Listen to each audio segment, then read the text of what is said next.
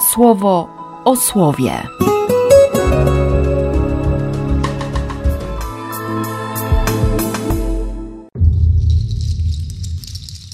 Czternasty września, wtorek, podwyższenie Krzyża Świętego.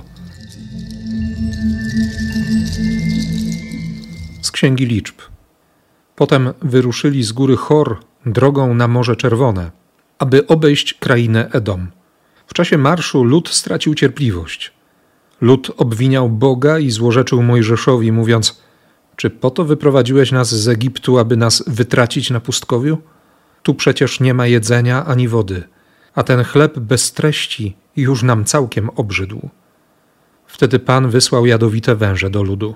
Kąsały one lud i zmarło bardzo wielu synów Izraela. Przybył więc lud do Mojżesza i wołał: Zgrzeszyliśmy, bo złorzeczyliśmy Panu i Tobie. Zechciej więc pomodlić się do Pana, niech odpędzi od nas tę gadzinę. I pomodlił się Mojżesz do Pana za lud. Pan rzekł do Mojżesza: Każ sporządzić węża, umieść go na palu. Dzięki temu, jeśli wąż ukąsi kogokolwiek, a on, ten ukąszony, spojrzy na niego, pozostanie przy życiu. I Mojżesz kazał sporządzić węża z miedzi. Umieścił go na palu i rzeczywiście, ilekroć wąż ukąsił jakiegoś człowieka, a on spojrzał na węża z miedzi, pozostawał przy życiu. Z listu do Filipian. Niech te myśli w was będą, które i w Chrystusie Jezusie. On, choć istnieje w postaci Boga, nie za łakomy łup uznał być na równi z Bogiem, lecz ogołocił się, przyjąwszy postać sługi, zacząwszy istnieć podobnie jak ludzie. Z wyglądu postrzegany jak każdy człowiek uniżył się, stając się posłuszny aż do śmierci, śmierci na krzyżu. Dlatego Bóg go wywyższył i dał mu imię, imię nad wszelkie imię, aby na imię Jezusa uklękło każde kolano, istot niebieskich, naziemnych i podziemnych, i aby każdy język wyznał, że Jezus Chrystus Panem ku chwale Boga Ojca. Z Ewangelii według świętego Jana. Nikt nie wstąpił do nieba oprócz tego, który z nieba zstąpił, oprócz Syna Człowieczego.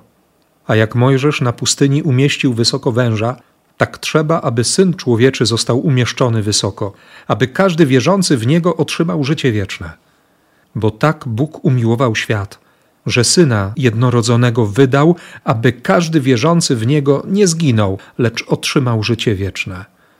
I nie posłał Bóg Syna na świat, aby sądził ten świat, lecz aby świat dzięki Niemu został zbawiony.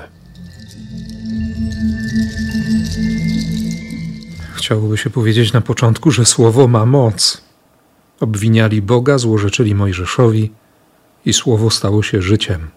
Życiem, które kąsa, życiem, które przeszkadza, życiem, które uwiera, które prześladuje. Ale tam pojawia się jeszcze jedno ważne narzekanie. Ta złamowa, ta laszom hara, jako koronny argument ma ten chleb bez treści już nam całkiem obrzydł. Mnie osobiście przeraża ta myśl, że chleb, który jest darem Boga, ta manna z nieba, może się nie tylko znudzić, ale można czuć obrzydzenie do niej. Może przesadzam, może myśli mi uciekają za daleko. Taki dzień mam akurat, ale, ale nie potrafię sobie wyobrazić, żeby komunia mi obrzydła.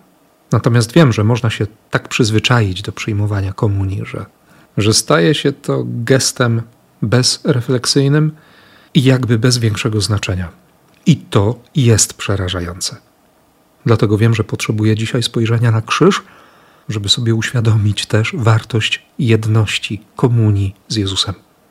Żeby się nie okazało, że ciało ucieka od głowy, że ja uciekam od Niego, kiedy jest ukrzyżowany, sponiewierany itd., tak itd. Tak I w tym kontekście zadziwia i i zawstydza mnie postawa Mojżesza.